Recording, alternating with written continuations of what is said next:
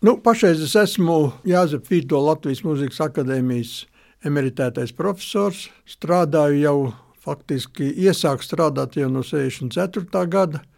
Un visus šos gadus esmu strādājis vienā darba vietā. Nu, blakus arī drusku filharmonijā, dažās, dažādās nu, saka, formās. Bet patiesībā man pamatā darba vieta ir bijusi mūzikas akadēmija. Līdz ar to es esmu ar visiem mūsu mūzikas dižgariem sastapies vai no tuvāk vai tālāk, vai sadarbojoties kaut kādā veidā, vai ejot pa koridoru un, un sasveicinoties. Un tad man par daudziem no viņiem ir palikušas dažādas atmiņas, kas varbūt varētu interesēt arī klausītājus. Nu, viena no tādām personām, ar kuru gan es biju tā netieši saistīts, bet tā bija komponiste, pianiste Lauma Reinholda.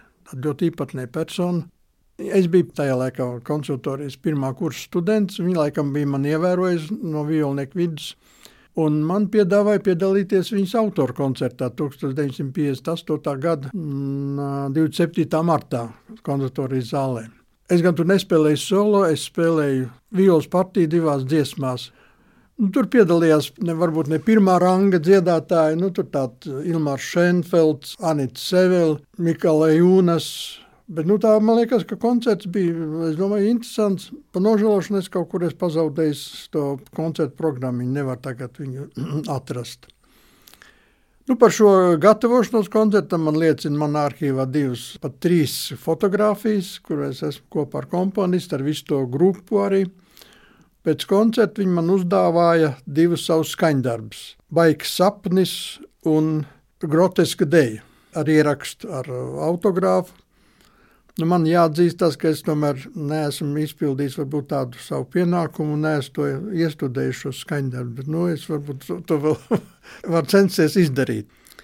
Un interesanti, ka manā bibliotekā nonāca arī šo skaņdarbu di, divi eksemplāri ar veltījumu doktoram Kārlim Brikneram. Ar uzrakstu, kad par atmiņu no pēkšņās kopējās uzstāšanās Liepājā 1939. gadā. Nu, tajā laikā Kārls Brikners bija jau emigrējis no Vācijas, dzīvoja uh, Igaunijā, Tartu un ļoti bieži viesojas Rīgā. Viņš bija tāds iemiņots solists mm, Rīgā. Un tad jādomā, tā bija kaut kāda nejauša, uh, varbūt pēkšņa, kā viņa raksta, tikšanās uz, es domāju, uz koncerta estrādes, ka kā viņa kā pavadītāja droši vien pavadīja Brikneru. Un tā kā es teicu, tad Lauma Reinhold bija laikam kaut ko pamanījusi, man kaut kādas tādas muzikālas dotības, kaut kādas uh, īpašības, kas viņai bija tādas tuvas. Tāpēc viņa man uzaicināja piedalīties tajā koncertā. Un tad, kad viņi uzzināja, ka mans nodoms ir turpināt studijas Maskavā, tad viņi man tā garām izteicās, vai jūs Maskavā pazaudēsiet savu muzikālo izjūtu. Tā kā viņa bija norūpējusies par manu tālākām gaitām, nu, protams, man tas manu nodomu tas uh, netraucēja. Es uh, aizbraucu studēju Maskavā. Un liekas, ka tas bija pat pirmā uh, mācību gadā, kad bija Maskavā, tas bija otrais kurs. Es sāku ar otro kursu Maskavā. Es dzīvoju kopmītnē, astoņi cilvēki vienā istabā.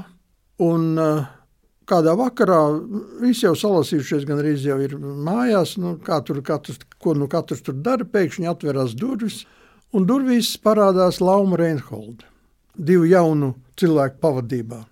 Nu, man tas bija tāds pārsteigums, ka eh, es vienkārši nevarēju saprast, kas, kas notiek. Izrādās, ka viņa ir izbraukusi Sibīriju, ciemojoties pie tolaik, man liekas, izsūtījumi jau izcietušā, bet joprojām dzīvojošā dzinieka Aleksandra Pelēča kas bija jau Latvijas laikā bija pazīstams, pēc tam bija izsūtīts jau uz Sibīriju pēc padomu armijas ienākšanas. Un tad tas kādā 58. gadā, kad e, tas, tas notika. Tie pavadoņi bija vēlākais e, medicīnas doktors Anatolijas Giļovs, rīdzinieks un kaut kāds Turkmenistāns arī aspirants mediķis. Es domāju, ka varbūt ar šo puišu palīdzību viņi bija man atradusi Maskavā, jo es viņai nekādas koordinācijas nebiju devis. Bet uh, viņi bija to kopmītni atradusi, atradu, tur, protams, pateikuši, kur tāds Šulkovskis dzīvo, un, un tā kā saka, viņi man apciemoja. Nu, te apstākļi, protams, nekādai uzņemšanai nebija, kaut kā es izgrozījos, kaut kur atradu kādu vietu, kur aprunāties, kur man viņi izstāstīja, kāpēc viņi ir Maskavā un uh, kā viņi izbraukusi to Sibiriju.